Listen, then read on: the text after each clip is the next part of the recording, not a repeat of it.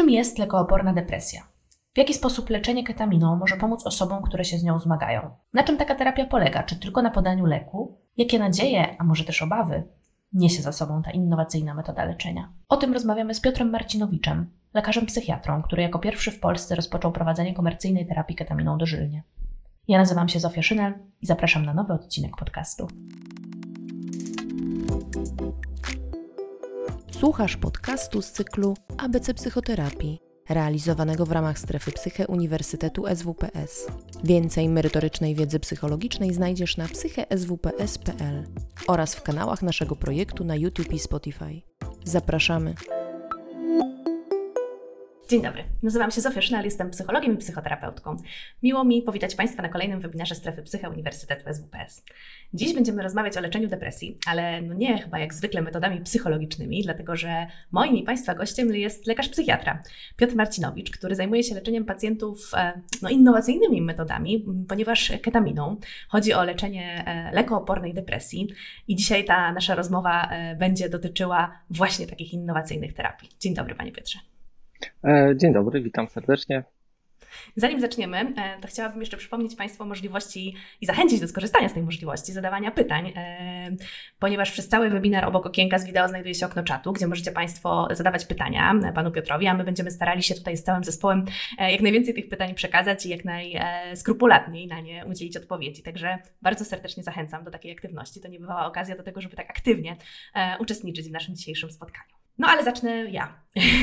Chciałabym e, zacząć od tego, żeby opowiedział Pan troszkę o tym, jak doszło do takiego działania, ponieważ jest Pan pierwszą osobą, tak przeczytałam, która w Polsce e, zastosowała takie leczenie e, ketaminą dożylnią. Rozumiem, że u osób z lekooporną depresją. Co to znaczy, że depresja jest lekooporna i w jaki sposób doszło do tej innowacyjnej próby chyba na początek? Tutaj ma małe sprostowanie, to nie jest tak, że ja, że ja pierwszy zastosowałem takie leczenie. Jako pierwszy zastosowałem możliwość komercyjnego, ogólnodostępnego leczenia tą metodą, ponieważ różne placówki naukowe w Polsce już wcześniej stosowały w ramach, w ramach badań naukowych tę metodę. Także, także to tak yy, gwoli ścisłości. Dobra, a to znaczy, że komercyjnego leczenia to znaczy, że pacjent może sam z niego po prostu skorzystać z ulicy, nie tylko wtedy, kiedy tak, jest elementem tak. badania. Mhm, tak, jeżeli oczywiście się kwalifikuje, tak, bo też wiele osób przychodzi i, i e, z nadzieją na to leczenie, a my nie możemy ich leczyć, no bo nie ma, nie ma wskazań albo są przeciwwskazania, natomiast, e, natomiast tak, jeżeli chodzi o to, to jest po prostu ogólnodostępne, tak? Tak jak każdy może pójść sobie zrobić u dentysty implanty, jeżeli ich potrzebuje, tak samo każdy, jeżeli ma depresję lekooporną, może w tej chwili skorzystać z leczenia ketaminą dożylną. No właśnie, tylko że, tak jak sam Pan powiedział, no musi się zakwalifikować i tutaj podobnie dentysta nie robi implantów każdemu, tylko temu, kto tych implantów potrzebuje, to rozumiem, że tutaj również lekarz psychiatra musi te kwalifikacje przeprowadzić. Kto się kwalifikuje do takiego leczenia? Co to znaczy, że depresja jest lekooporna?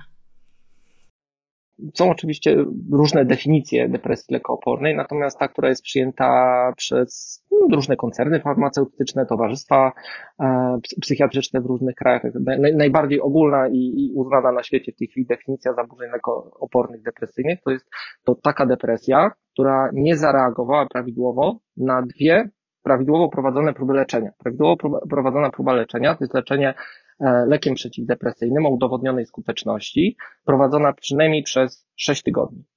Tak, czyli jeżeli pacjent miał, ma za sobą dwie takie próby leczenia lekami z dwóch różnych grup, to wówczas możemy uznać takiego pacjenta, że jest lekooporny. Tak, więc, e, więc, więc to jest takie podstawowe kryterium.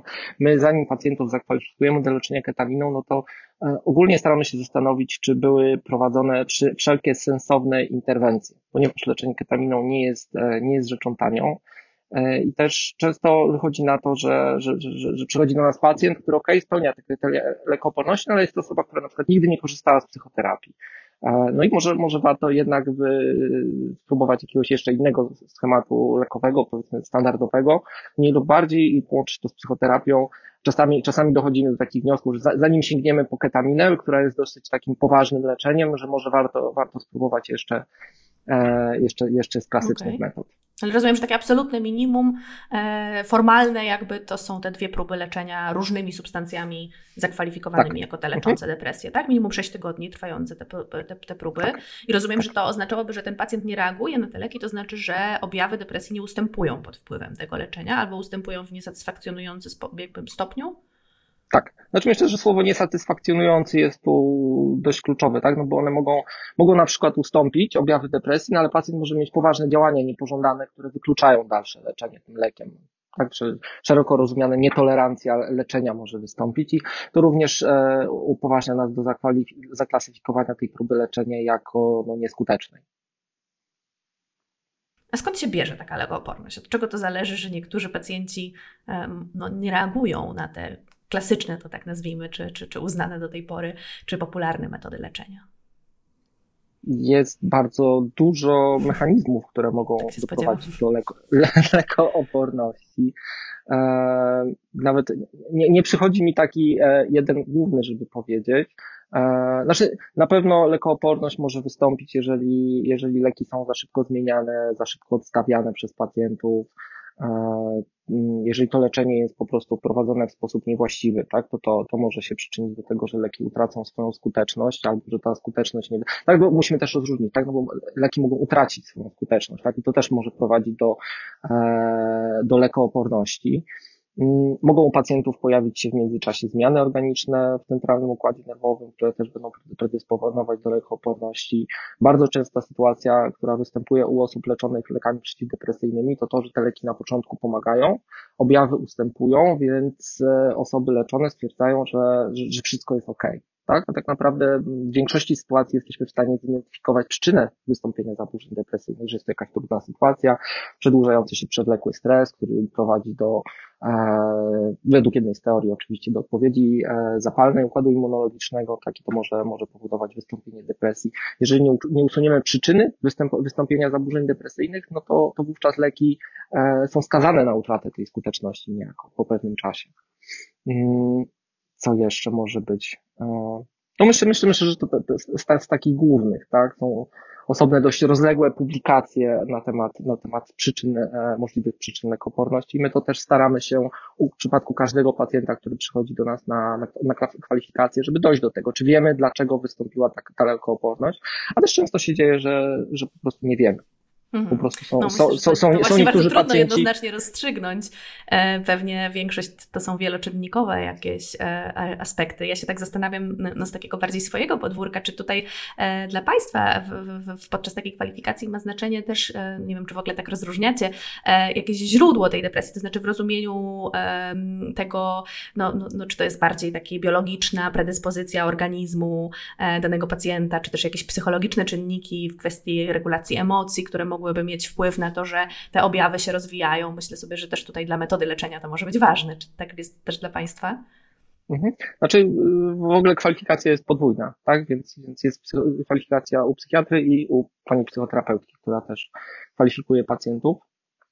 Także też po to, żeby od razu zidentyfikować materiał, w którym będzie można e, pracować w trakcie integracji psychodelicznej po zabiegach. Tak?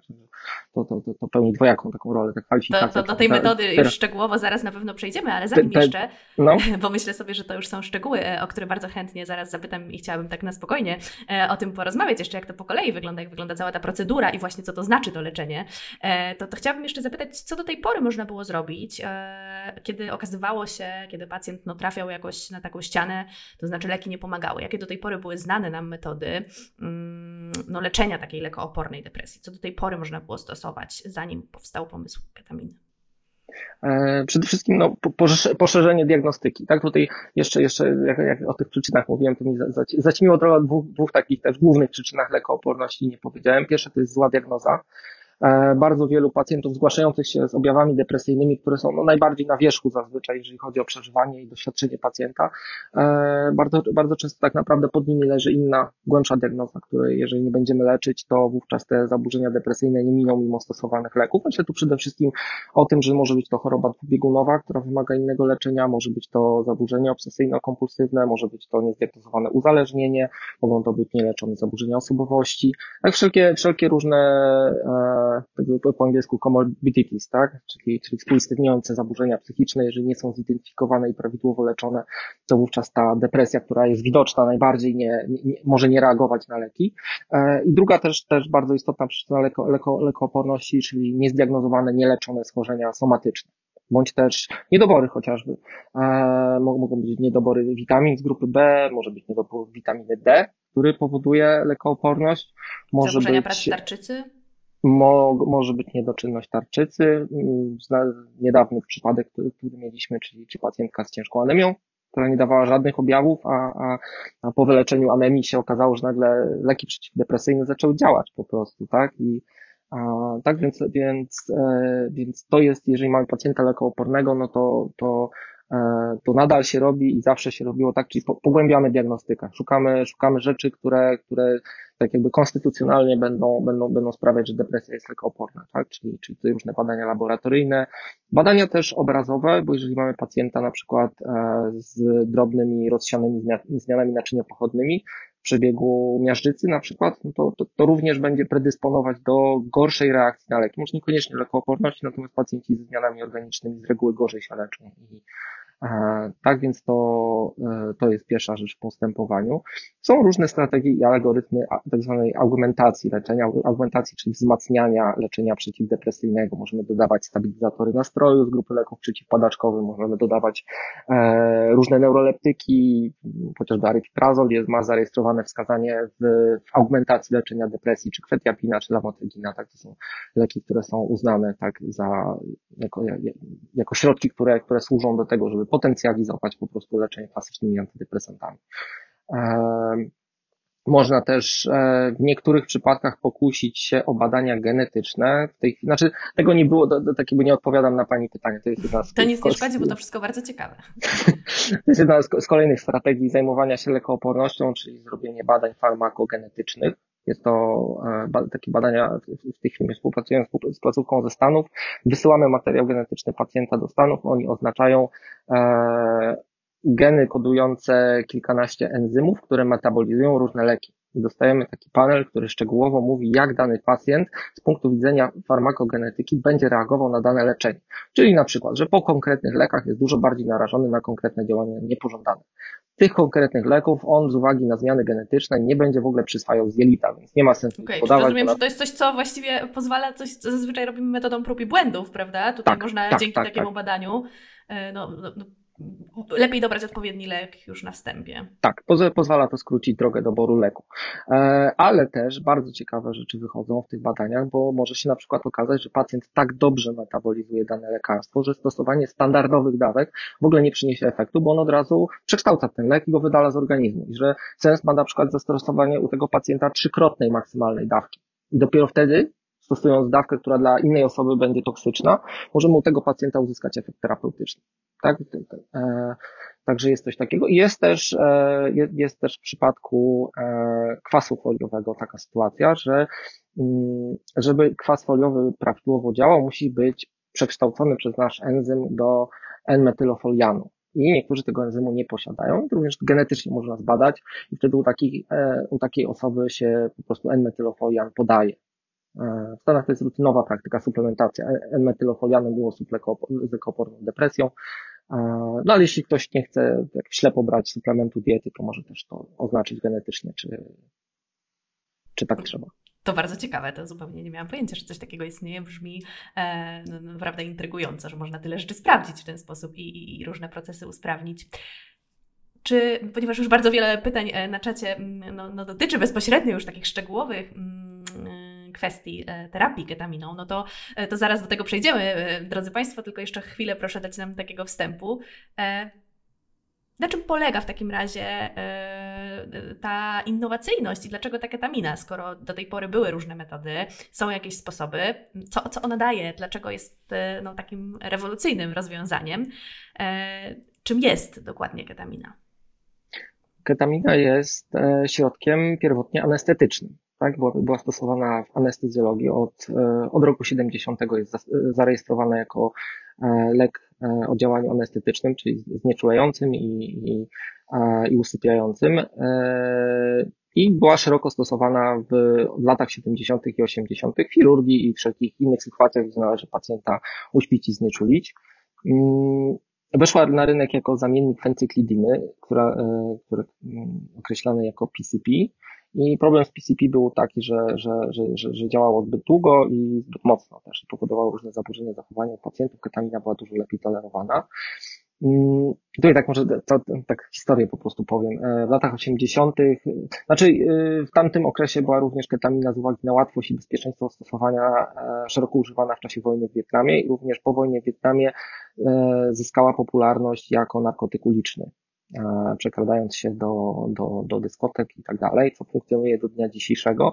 Aczkolwiek po wprowadzeniu, tak jakby po ukróceniu e, używania ketaminy poprzez wprowadzenie jej na listę substancji kontrolowanych w Stanach i w innych krajach, e, znaczenie ketaminy na scenie narkotykowej znacznie zmalało i w tej chwili nie jest ona aż tak, aż tak popularna jak inne narkotyki. Mm, ale nadal występuje cały czas, jeśli chodzi o leczenie pacjentów uzależnionych. Spotykam się z osobami, które miały kontakt gdzieś, e, gdzieś, gdzieś w ten sposób z ketaminą. Jeżeli chodzi o, o użycie ketaminy w psychiatrii, to pierwsze prace to są lata 90. E, oczywiście no, odbyło się to na zasadzie, zresztą podobnej jak, jak przy innych lekach e, przeciwdepresyjnych.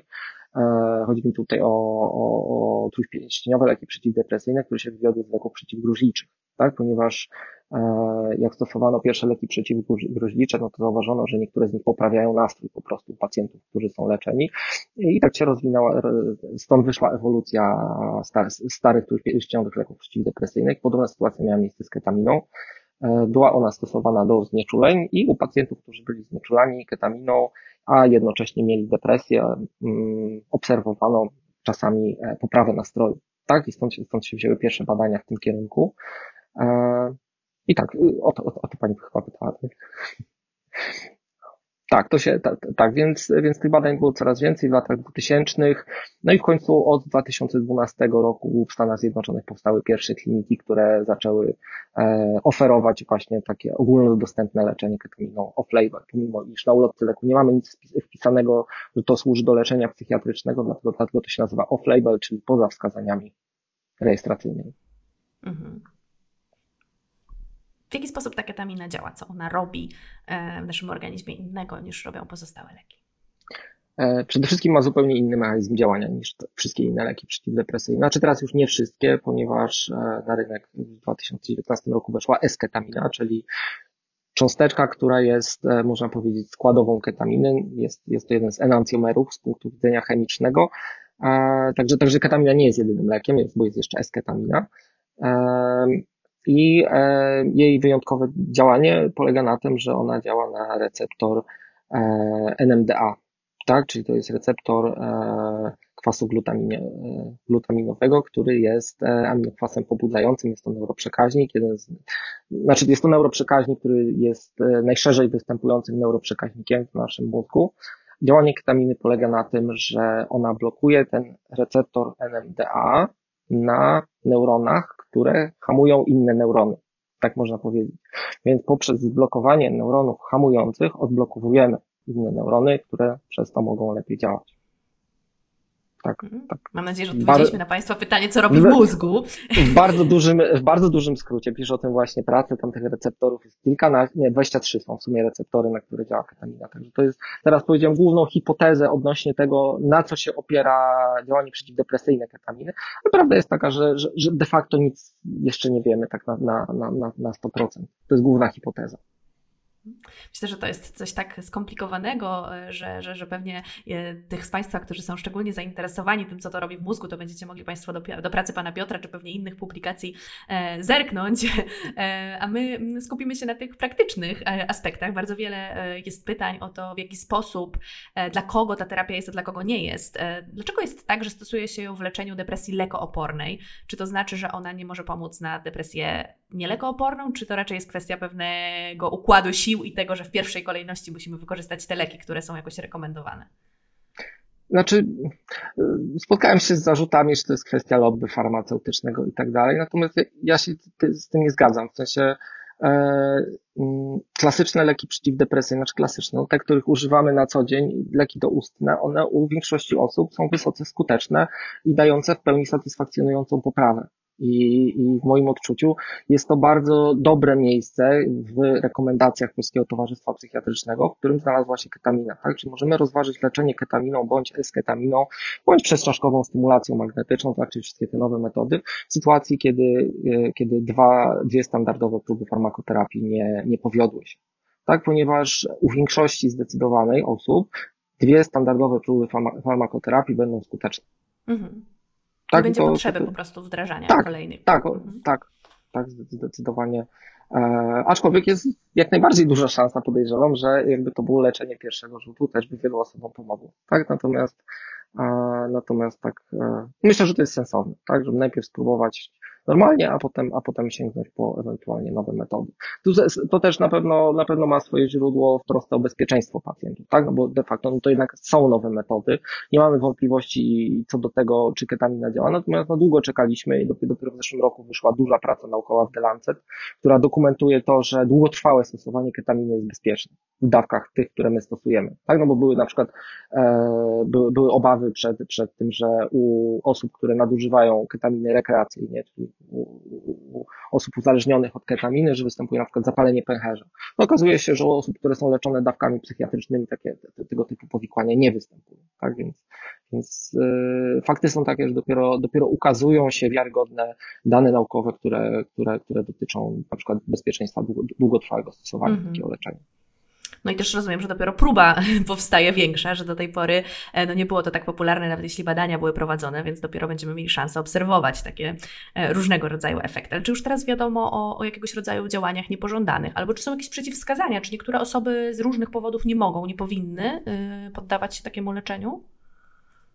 E, tak, znaczy jeżeli chodzi o działania niepożądane, to, to myślę, że warto podkreślić, że ketamina jest bardzo bezpiecznym leczeniem. Tak, i tutaj u pacjentów, których zakwalifikujemy, czy u których zakwalifikowaliśmy, tych działań niepożądanych jest bardzo mało i są one ograniczone praktycznie tylko do samego zabiegu, w stylu na przykład, że kogoś po zabiegu boli głowa, e, rzadko, ale czasami na przykład się zdarza, że ktoś ma nudności albo wymioty, często natomiast, e, w szczególności u osób po 40 roku życia, dochodzi do wzrostu ciśnienia tętniczego pod wpływem ketaminy, tak, to jest coś, na co też musimy uważać. Są to występujące działania niepożądane, ale jeżeli chodzi o tak jakby w, w kolejnych dniach, czy po całym leczeniu, to praktycznie nie obserwuje się działań niepożądanych. Także to jest, e, to jest też jakaś, jakaś, można powiedzieć, przełomowa kwestia, tak? No bo przy lekach branych do ust niecodziennie pewne działania niepożądane zwykle są na stałe, póki pacjent bierze leki. Tak, tutaj to leczenie jest epizodyczne, w związku z czym te działania niepożądane takie na stałe, na stałe nie występują. Jeżeli chodzi o przeciwwskazania, to, e, no to tak naprawdę głównym przeciwwskazaniem, które powoduje, że, że ja na przykład dyskwalifikuję pacjentów e, w czasie wizyt kwalifikacyjnych, e, no to jest to, że nie, nie ta diagnoza, nie to miejsce, nie ten moment, tak? Czyli pacjent nie wykorzystał wszystkich moim zdaniem sensownych metod, z których powinien skorzystać, zanim rozpocznie. Zanim sięgnie po to rozwiązanie. Mhm. Tak, zanim sięgnie po to rozwiązanie, że, że to po prostu nie jest, nie jest ten moment. E, także to jest, e, to jest jedno z głównych przeciwwskazań. Kolejne przeciwwskazanie, no to jeżeli ktoś ma nieustabilizowane choroby somatyczne, przede wszystkim chodzi tu o nadciśnienie tętnicze albo o no nie wiem, jeśli ktoś na przykład miałby trzy miesiące temu zawał, tak, no to, to wiadomo, to odpada. Wszystkie, wszystkie schorzenia, które mogą być wrażliwe na podniesienie się ciśnienia tętniczego, tak, czyli wszystkie stany w udarach mózgu, tętniak rozwarstwiająca aorty, tego typu rzeczy. Tak też często, często dyskwalifikujemy pacjentów albo odkładamy w czasie rozpoczęcie zabiegów właśnie z uwagi na nieustabilizowane schorzenia somatyczne, że tutaj wyjdzie jakiś niedobór, tutaj mamy do diagnostyki wątrobę. E, wątroba też oczywiście, jeśli jest uszkodzona, może dawać zespół przewlekłego zmęczenia, prawda, też może być, mogą być objawy depresyjne. Więc chcemy, chcemy wyjaśnić e, tak jakby, po, mm, kwalifikując pacjenta na ketaminę, chcemy mieć pewność, że będziemy leczyć depresję, a nie coś innego. Mhm. A czy depresja w przebiegu choroby afektywnej dwubiegunowej też e, pasuje hmm? tutaj? Tak, jak najbardziej. Jak najbardziej. Też jeżeli pacjenci mają inne schorzenia psychiatryczne, w stylu, że na przykład mają pacjenta, który, który, e, który ma zaburzenie depresyjne, ale oprócz tego niech będzie, że ma zespół stresu pourazowego i do tego jeszcze ktoś mu rozpoznał zaburzenia osobowości, to absolutnie nie wyklucza z zabiegów ketaminowych. Tak, natomiast e, też zanim dopuścimy takiego pacjenta do zabiegu, no to oczekujemy, że każde z tych schorzeń będzie odpowiednio zaopiekowane, czy to lekowo, czy to psychoterapeutycznie, czy to w jakiś inny sposób, który uznamy za stosowny. Okej, okay. czy przebyte do tej pory epizody, no bo rozumiem, że w aktywnej psychozie pewnie e, też nie, nie przeprowadzacie Państwo takich zabiegów, ale czy na przykład przebyte do tej pory e, epizody jakieś psychotyczne też nie wykluczają z takiego zabiegu? Mm, tutaj jesteśmy bardzo ostrożni szczerze to na, no, na pewno nie, nie zdarzyło się i się nie zdarzy, żebyśmy zakwalifikowali osobę chorującą na schizofrenię. Pojawiają się owszem pacjenci, którzy mają chorobę dwubiegunową, przebiegu choroby dwubiegunowej chociażby mieli manię z objawami psychotycznymi, albo osoby, które gdzieś tam kiedyś po zażyciu narkotyków na przykład miały krótkotrwały epizod psychotyczny. Natomiast jesteśmy tutaj niezwykle ostrożni i na, pe- na pewno nie zrobilibyśmy ketaminy bez, bez odpowiedniej osłony lekami tak, w sensie przeciwpsychotycznymi oczywiście, czy w przypadku dwubiegunówki e, lekami stabilizującymi nastrój i często również przeciwpsychotycznymi. Natomiast to, to też musi być tak, że czas od tych ostatnich objawów psychotycznych musi być liczony w latach. Tutaj te przynajmniej dwa lata to jest takie absolutne minimum. No ale świetnie, że nie jest to tak jakoś jednoznacznie dyskwalifikujące. Że, że, że nie ma, nie, nie, to, no to, to, to jest na przykład właśnie wiąże się z tym, że to jest dość, dość, dość nowe leczenie i no nie, nie mamy w tym momencie dostatecznej ilości publikacji naukowych, żeby wyciągnąć wiarygodne wnioski, tak, odnośnie, odnośnie, odnośnie bezpieczeństwa e, stosowania. Także nie da, nie, da, nie da się wykluczyć, aczkolwiek nie ma danych, żeby, znowu, żeby ketamina mogła spowodować czy to przejście w stan maniakalny, czy to uaktywnienie się psychozy, natomiast to też nie ma danych, że, że, że, że to na pewno jest bezpieczne pod tym kątem. No więc y, jak wygląda takie leczenie, jak wygląda taka procedura? E, bardzo tutaj wiele osób jest tym zainteresowanych, ja również, jak to po kolei się dzieje. Zgłasza się do Państwa ktoś, e, kto e, no, myśli o tym, że mógłby być może potrzebować właśnie takiego leczenia z, z, różnych powodów. Na przykład dlatego, że właśnie już różne metody takie standardowe nie zadziałały i co się dzieje? Usłyszałam, że ta kwalifikacja jest jakoś podwójna, że z jednej strony z lekarzem psychiatrą, mhm. z drugiej strony z psychoterapeutą. Mm, tak, tak, no jest, jest wizyta psychiatryczna. Ona czasami jest troszkę dłuższa niż, niż zazwyczaj, czasami się nie mieścimy w tej godzinie, ale e, no chodzi o to, żeby kompleksowo ocenić tak możliwe przyczyny lekooporności, cały wywiad psychiatryczny, no normalna wizyta psychiatryczna pogłębiona troszkę. E, jest kwalifikacja z panią psycholog, żeby, żeby też, e, a propos kwalifikacji psychologicznej, to, to taki przykład mogę, mogę podać dość istotny, że spotykamy czasami pacjentów, którzy mieli zaburzenie stresu półorozowego, czy mają dalej w pewnym sensie, tak, ale mają je przepracowane dobrze terapeutycznie. Takim pacjentom na przykład odradzamy spotkanie z ketaminą, ponieważ ketamina może, może spowodować powrót do wydarzeń traumatycznych, co w przypadku nieleczonego dotychczas PTSD jest, e, może być pożądane, jeżeli pacjent jest na to gotowy, e, jeżeli, jeżeli to wcześniej zostało zidentyfikowane e, w czasie psychoterapii jako temat do pracy e, na ketaminie. Natomiast jeżeli ktoś ma zamkniętą traumę przepracowaną, no to, to, to, to to tutaj dużo ostrożnie. Tak i na przykład w tym celu jest ta kwalifikacja psychoterapeutyczna, też żeby, żeby wychwycić takie sytuacje, żebyśmy od strony psychoterapeutycznej nie zrobili pacjentowi krzywdy. Także po kwalifikacji psychoterapeutycznej e, pacjent oczywiście w międzyczasie musi nam przedstawić aktualne badania laboratoryjne, mm, EKG musi mieć zrobione. Na wizycie też z psychiatrą jest decyzja, czy robimy samą ketaminę, czy łączymy ketaminę z przestrzeszkową stymulacją magnetyczną, tak, bo to jest też e, bardzo ciekawy, bardzo ciekawy pomysł i protokół leczenia, który no tak naprawdę w tej chwili tylko my w Polsce robimy, na, na świecie też jeszcze niewiele klinik to robi, e, żeby po prostu połączyć te obie metody. E, jedna i druga mają rewolucyjną skuteczność w, depresji le lekoopornej, więc, więc nie ma żadnych przeciwwskazań, żeby je ze sobą połączyć. E, więc, więc jeżeli pacjent też chciałby skorzystać z e, stymulacji magnetycznej, to wtedy też badanie EEG musi wykonać do tej kwalifikacji. I, i co? I potem, potem e, no u nas jest osoba koordynatora, ten pani koordynator dzwoni, umawia zabiegi, taki cały, e, cały ten schemat leczenia rozpisuje na kolejne dni, tak? Bo, bo no zakładając, że robimy to z przeszczaszkową stymulacją magnetyczną, no to niektóre dni jest stymulacja magnetyczna, dwa razy w tygodniu na początku przez trzy tygodnie jest ketamina dożylna. Mm, po zabiegu podania ketaminy, jak pacjent dochodzi do siebie, a dochodzi do siebie dość szybko, bo tak naprawdę jak przestaje lecieć kroplówka, kroplówka leci 40 minut z, z ketaminą, to jakieś 10-20 minut po tym, jak kroplówka przestanie lecieć, to, to pacjent już dochodzi do siebie, wraca pełna świadomość, ustępuje e, z grubsza ustępuje dysocjacja i pacjent jest w stanie przejść do gabinetu obok, gdzie od razu po zabiegu prowadzona jest integracja psychoterapeutyczna.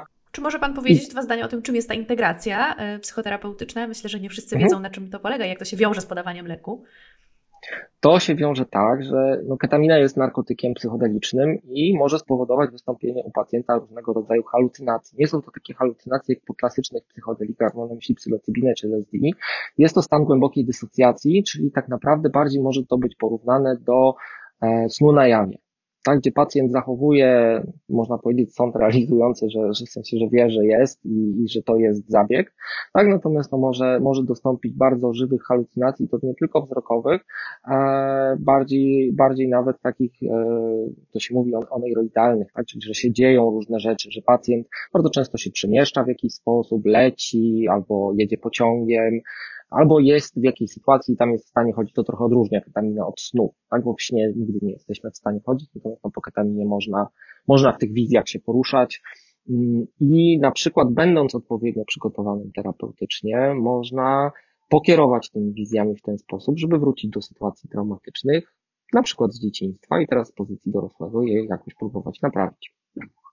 Tak, fajne jest to, że zabiegi powtarzamy, więc z zabiegu na zabieg można po zabiegu omawiać sytuację, przygotowywać się do następnego zabiegu i podchodzić do kolejnego zabiegu lepiej przygotowanym, jeszcze raz przepracowywać tą samą sytuację i, i to są niezwykle ciekawe procesy lecznicze wtedy się dzieją. Tak? Mogą to jest tak, że to się odbywa zawsze, czy czasem nie, nie, nie, wszyscy korzystają też z tej integracji? Tutaj było też takie pytanie na czacie, czy ta, mhm. ta, ta integracje są konieczne, czy u Państwa one są e, jakby obligatoryjne, jak, jak to wygląda? Bardzo rzadko się zgadzam na, na, na zabiegi bez integracji. W sensie, oczywiście mamy dużo pacjentów, którzy są psychoterapeutami, więc, więc, więc w takich sytuacjach, jeżeli mam poczucie, że, że, mam, że rozmawiam z osobą, która jest po głębokiej własnej terapii i że naprawdę obecność tej drugiej osoby aż tak nie jest potrzebna i że ta osoba ma wewnętrzne zasoby, żeby sama sobą pokierować w trakcie tego doświadczenia i coś z tego wynieść, no to, to, to okej, okay, to możemy, możemy, możemy spróbować. E, natomiast no, znacząco, znacząco widzimy wzrost skuteczności zabiegów, od kiedy wymagamy jednak tego, żeby, żeby ta integracja nie była tylko na życzenie, tylko raczej obowiązkowa.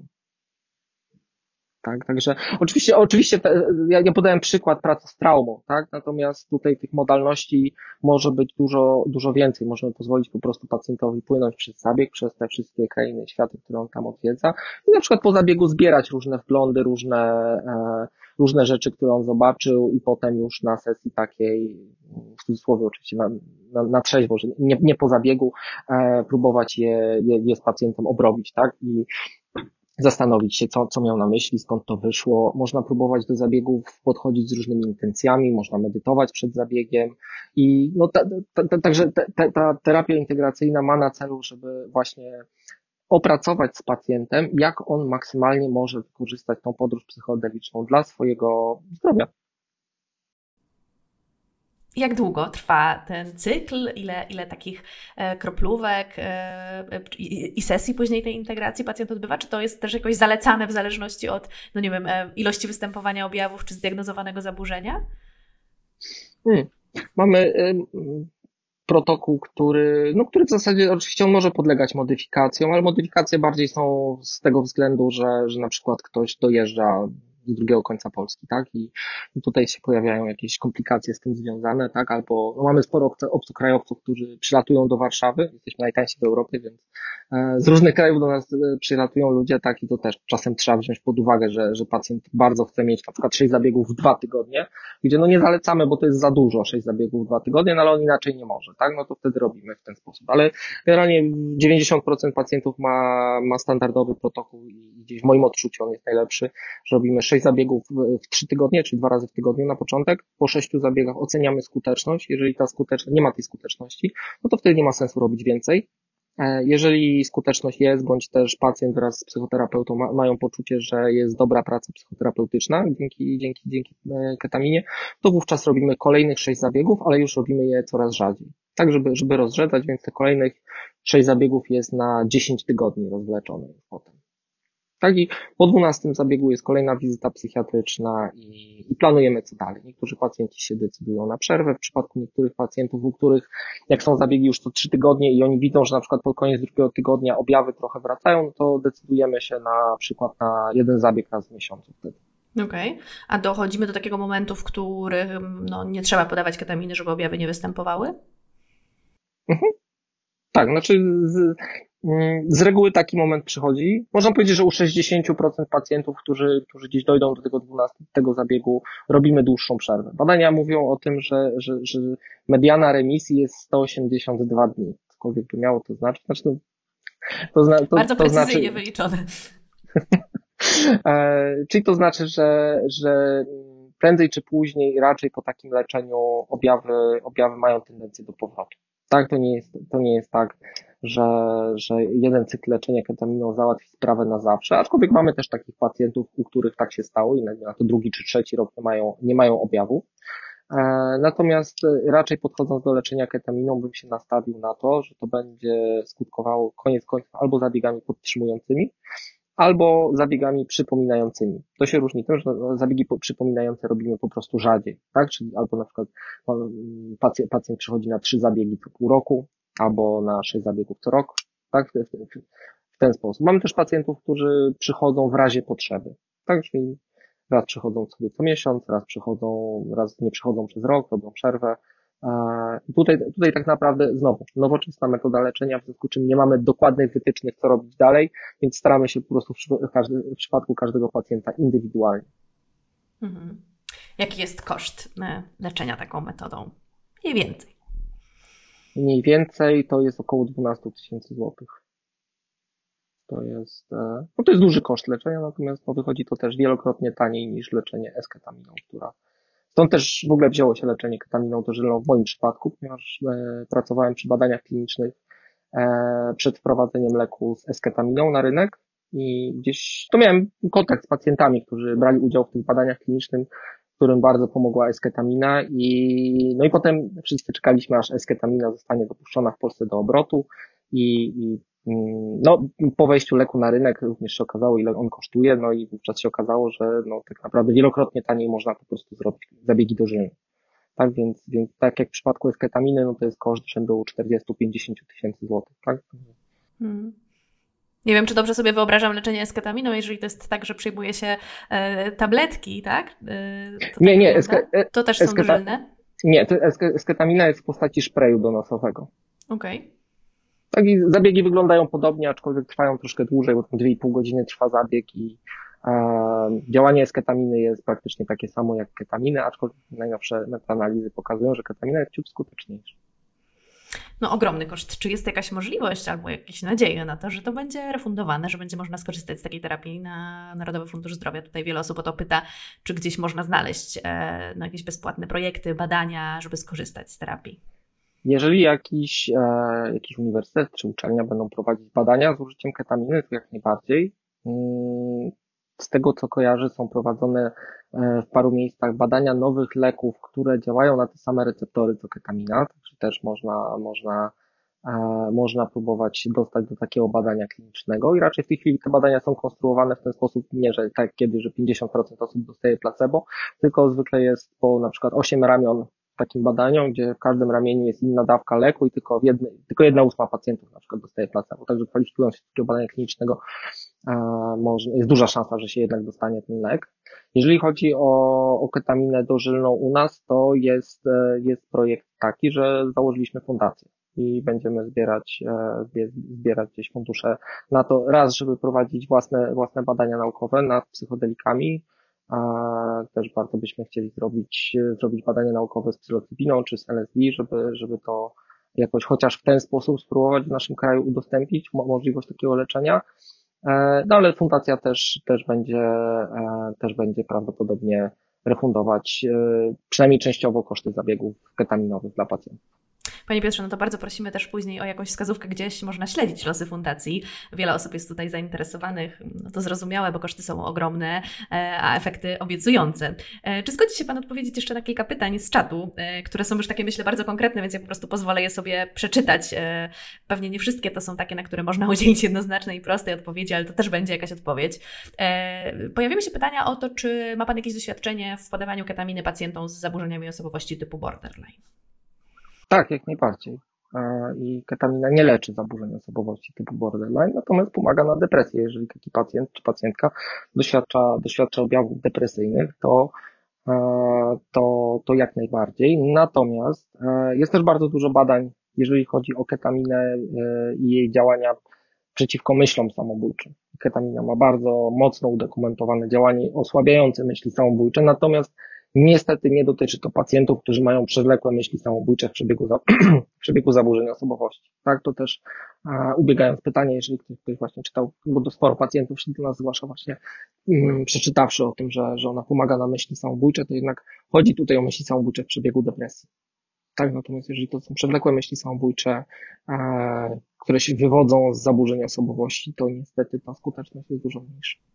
Okay. A w przypadku współwystępowania, myślę sobie, że już o tym trochę powiedzieliśmy, ale jeszcze widocznie e, niewystarczająco. E, czy w przypadku współwystępowania depresji z nerwicą lękową, jest też pytanie o depresję i zespół Aspergera, czy to są jakieś przeciwwskazania? Czy któreś z tych zaburzeń jako współwystępujące byłoby przeciwwskazaniem do leczenia ketaminą? E, nie wyobrażam sobie zaburzeń depresyjnych bez zaburzeń lękowych. W sensie w moim odczuciu każdy pacjent z zaburzeniami depresyjnymi ma jakiś poziom lęku i to już jest bardziej kwestia, czy są na tyle nasilone, żeby postawić, postawić drugie rozpoznanie, mhm.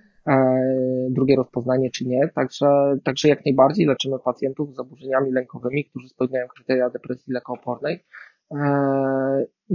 Natomiast no, tu, tu jest podobna historia, także że owszem, ketamina może zadziałać przeciwlękowo, natomiast to nie jest to typowe działanie ketaminy. Prędzej, jeżeli chodzi o zaburzenia lękowe, no to praca terapeutyczna w trakcie zabiegów może rzeczywiście tutaj przynieść skutek. E, natomiast no, z doświadczenia y, leczenia pacjentów z zaburzeniami lękowymi, którzy nie byli w psychoterapii, a próbowali ketaminy, no to tej skuteczności ta skuteczność przeciwlękowa jest niewielka. Mhm. Czy jakieś e, problemy są w przypadku występowania zespołu Aspergera? Zespół, znaczy no, zespół, zespół Aspergera e, jest, jest jednym z czynników raczej takich obniżających rokowanie, jeśli chodzi o e, skuteczność ketaminy, tak, bo też u osób z Aspergerem często objawy depresyjne są, no, wynikają z, z trudności, jakich doświadczają osoby z tym zespołem w, w codziennym funkcjonowaniu i dopóki te trudności nie ustąpią, też ciężko, ciężko będzie wyleczyć u nich, u nich objawy depresyjne. Tak? Także tutaj bardzo duży nacisk na psychoterapię. Jeżeli taka osoba, będąc już e, w dobrej psychoterapii, w stałym kontakcie, e, w zbudowanej relacji terapeutycznej z terapeutą, tak, no to, to, to, to jak najbardziej możemy próbować. Mhm. Tutaj są też takie pytania, które dotyczą e, jakoś wpływu ketaminy na jakość życia seksualnego. Rozmawialiśmy o tym, że nie występują jakieś trwałe skutki uboczne, no ale jeszcze dopytam, czy to w jakiś sposób może działa e, pozytywnie na sprawność seksualną albo na libido? Bardzo częstym efektem ketaminy, tak naprawdę jeszcze częstszym niż poprawa samego nastroju, jest uelastycznienie przekonań, uelastycznienie postępowania i może dojść do odblokowania sfery seksualnej w tym lub innym sensie, tak? E, i jak najbardziej zda, zdarzyło się parę razy, żeby, żeby, żeby na przykład pacjent po, po zabiegach rozpoczął aktywne życie seksualne, gdzie go wcześniej nie prowadził. Natomiast to też się dzieje oczywiście w trybie psychoterapeutycznym. To nie jest tak, że, że, że, ketamina podnosi libido i nagle, nagle pacjent idzie w mhm. świat. To nie są takie biologiczne, proste mechanizmy, tak? Tak, tak, tak. tak. To, jest bardziej, to są bardziej mechanizmy neuroplastyczności po prostu, że ketamina otwiera na nowe doświadczenia i, i w tym sensie nie ma ketamina żadnego wpływu na libido w tą lub we w tą. Tak, także tutaj jest duża przewaga nad większością leków przeciwdepresyjnych. Z rzeczy, które też warto podkreślić, leczenie ketaminą nie stosujemy w monoterapii, czyli nie stosujemy samego leczenia ketaminą. Zawsze jest ono w towarzystwie doustnych leków przeciwdepresyjnych. Czasami udaje się zredukować liczbę tych leków przeciwdepresyjnych w trakcie leczenia, natomiast, e, natomiast nie liczyłbym na to, że komukolwiek ketamina umożliwi odstawienie leków przeciwdepresyjnych na stałe. Przynajmniej nie w okresie okołozabiegowym, tak? Myślę, że jak najbardziej docelowo e, u wielu pacjentów jest to możliwe i to się dzieje, tak? No, nie chodzi mi o to, że każdy jest skazany na leki, tak, do końca życia, tylko, tylko chodzi mi o to, że, że często pacjenci przychodzą z takim e, oczekiwaniem czy marzeniem, że, że uda się im dzięki temu uwolnić od leków w najbliższym czasie. To tak jakby czy też często na przykład zgłaszają się osoby do nas e, na tyle zrezygnowane i zawiedzione dotychczasowym leczeniem psychiatrycznym, że przychodzą w ogóle bez leków i się dziwią, że my chcemy, żeby jednak weszli na leki doustne do zabiegów. Ketamina ma dużo lepszą skuteczność, jeżeli odbywa się leczenie w towarzystwie doustnego leku przeciwdepresyjnego, e, ale oczywiście sięgamy, najczęściej sięgamy po najsłabsze leki przeciwdepresyjne, takie, które nie dają praktycznie żadnych działań niepożądanych. Nie chodzi o to, żeby, żeby ten lek leczył depresję, tylko chodzi o to, żeby poprawił działanie ketaminy i poprawił, e, poprawił jakość doświadczeń psychodelicznych. Mhm. E, jest jeszcze sporo pytań dotyczących ADHD e, w połączeniu z zaburzeniami depresyjnymi. E, chodzi o ADHD, o ADHD u osób dorosłych. Czy tutaj coś wiemy? Ta sama kwestia jak z poprzednimi rozpoznaniami współistniejącymi. Także nie jest to przeciwwskazanie. Musi być adekwatnie leczone e, odpowiednio do, do stopnia nasilenia, czy to psychoterapeutycznie, czy to również lekami stymulującymi. E, I wtedy jak najbardziej możemy, jeżeli, jeżeli dalej się utrzymuje depresja, to właśnie możemy. możemy Ale czy leki na ADHD nie wykluczają przyjęcia ketaminy, połączenie hmm. tego leczenia? Okay. Ketamina jest dość bezpiecznym środkiem i wchodzi w naprawdę niewiele interakcji lekowych. E, też z ważnych kwestii a propos interakcji jest to, że wszelkie leki benzodiazepinowe, w tym, e, w tym leki nasenne, z grupy probenzodiazepin, czyli zolpidem, zopiklon, zaleplon, jak również pregabalina i lamotrygina zmniejszają skuteczność ketaminy. Tak, także też na wizycie kwalifikacyjnej modyfikujemy farmakoterapię, żeby, żeby wykluczyć te leki, E, I to też często jest duży problem dla pacjentów, chociażby, którzy przyjmują regularnie leki w stylu Xanax na przykład, tak? Które, które są dość popularne. Które niełatwo często odstawić przecież. Tak, które są chętnie przepisywane przez innych psychiatrów i, i oczywiście mają swoje miejsce w leczeniu psychiatrycznym, tak? Ale, ale, ale tutaj często jest duży problem na początku przy kwalifikacji, przy rozpoczęciu leczenia ketaminą, żeby odstawić wszelkie benzodiazepiny, bo no raczej, raczej, raczej nie ma sensu znaczy, czasami się zdarza, że dopuszczamy pacjentów z tymi lekami, że nie oczekujemy całkowitego odstawienia, jeżeli ktoś przychodzi na bardzo dużych dawkach. Tak, ale, ale to też e, trzeba podkreślić. Ale zmniejsza skuteczność, jak rozumiem. Zmniejsza skuteczność po prostu. Mhm. To, to, to, jeszcze dopytam o HAD, dlatego że dużo pytań się odpowiada. Ja wiem, że o tym troszkę po, powiedzieliśmy, ale jednocześnie dalej to jest jakoś aktywne. Było takie pytanie e, z uśmiechem, więc nie wiem, czy, czy, czy, czy, na poważnie, jak pomaga w leczeniu manii i w jakim etapie manii, e, ale z pytań e, o depresję, e, no czy to jest jakoś e, skuteczne w leczeniu choroby afektywnej dwubiegunowej, to myślę sobie, że znam odpowiedź w leczeniu objawów e, depresyjnych w przebiegu tej choroby. Dokładnie. Czy, ale też jest takie pytanie od pana Ludwika, czy mikrodozowanie psychodelików jest skuteczne na depresję w przebiegu choroby afektywnej dwubiegunowej? Na tą chwilę jakiekolwiek mikrodozowanie czegokolwiek nie jest uzasadnione od strony medycznej. Ja rozumiem, że jest wiele prac na ten temat, jest duży, duży, duży ruch popierający mikrodozowanie, jak również jest bardzo wiele, e, bardzo wiele doświadczeń pacjentów, którzy, którym mikrodozowanie pomogło. Natomiast na tą chwilę ilość danych naukowych na temat mikrodozowania jest zbyt mała, żeby jakkolwiek który, kto, jakikolwiek lekarz mógł się opowiedzieć za tym, żeby to, żeby to stosować. Od drugiej strony też jako psychiatra spotykam się często z powikłaniami mikrodozowania, także też nie wypowiem się ani za, ani przeciw i myślę, że jeszcze trzeba parę lat poczekać, zanim będziemy mogli wy, wyciągnąć e, no, wiarygodne wnioski, jeśli chodzi o, o dostępne dane naukowe na temat mikrodozowania. Jeżeli chodzi oczywiście o leczenie hadu, no to w manii też pozwolę sobie uśmiechem, tak? Nie, nie będziemy leczyć ketaminą manii, niestety. To inne bardzo skuteczne metody leczenia manii akurat, tak? Tutaj klasyczne leki są super. A przynajmniej w ostrym, w, w ostrym epizodzie. Potem odpowiednie ustawienie leczenia podtrzymującego remisję w hadzie jest, jest trudniejsze, natomiast samo leczenie ostrego epizodu maniakalnego nie, nie, nie sprawia większych problemów zazwyczaj. Jeżeli chodzi, zaraz o środkowe pytanie jeszcze. E, to dotyczyło e, mikrodawkowania, dotyczyło A, mikrodawkowania, w ogóle no, okay. leczenia. To, to, to już odpowiedział Pan, dziękuję bardzo. Wiem, że dużo tych pytań. E, jest ich niezliczenie wiele, drodzy Państwo. Bardzo dziękujemy za taką aktywność. Nie jesteśmy w stanie na wszystkie jakoś tutaj odpowiedzieć, szczególnie, że wiele z nich jest takich bardzo już konkretnych, dotyczących Państwa sytuacji i myślę sobie, że trudno, żeby no, Pan Piotr tutaj w tej chwili mógł tak precyzyjnie odpowiadać na, na, na konkretne przypadki medyczne, dlatego staram się jakoś zebrać te pytania mm, w pewne grupy i w taki sposób na nie odpowiedzieć. E, pozwolę sobie na jeszcze trzy. Dobrze, Panie Piotrze? E, okay. Chciałabym e, przekazać takie pytanie, które dotyczy leczenia nastolatków i leczenia dzieci. To znaczy, czy ze względu na to, że jest to substancja psychoaktywna, psychodelik, to, to nie stosujemy tego u dzieci czy nastolatków, czy są jeszcze jakieś inne niż takie prawne przeciwwskazania, że jak ktoś ma 18 lat, to tutaj jest ta granica? E, jest granica 18 lat, nie stosujemy poniżej, bo nie ma badań.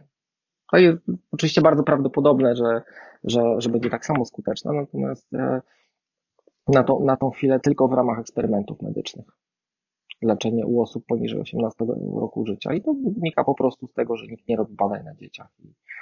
E, znaczy nie, oczywiście robią, ale, ale, ale jest za, za, mało, za mało nauki zrobione, żeby żeby, że tak powiem, mnie na przykład jako zwykłego lekarza uprawomocnić do tego, żeby podać tą substancję w tym. Mhm. No i no chciałabym jeszcze zapytać o to, przekazać tutaj e, jedno z pytań. Czy leczenie ketaminą jest trwałe i sięga głębokich zmian w podświadomości, e, czy tylko chwilowo, czy daje tam tylko taką chwilową poprawę? E, jak można odpowiedzieć na to pytanie, jakoś podsumowując tę naszą rozmowę, bo myślę sobie, że w międzyczasie już na to powiedzieliśmy dużo razy. Tak, ale pytanie jest dobrze sformułowane, tak. bo, bo, bo mogę odpowiedzieć i tak, i tak, ponieważ E, efekty biologiczne ketaminy jako leku w odniesieniu do zaburzeń nastroju są e, określane w większości prac naukowych jako przejściowe. Tak, i tutaj, tutaj tak, tak jak mówiłem, te magiczne 182 dni, e, tak się, tak, tak się uważa, że po 12 zabiegach tyle średnio powinna wynosić remisja.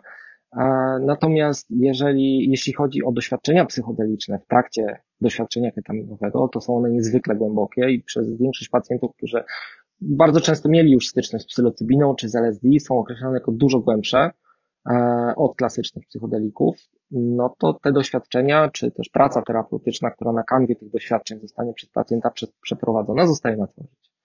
I tutaj, e, i tutaj faktycznie, tak jak już no, mamy kilkudziesięciu pacjentów, którzy nadal u nas jakoś tam prowadzą leczenie, są pod naszą opieką po zabiegach, e, no to, to są zmiany na całe życie trwałe.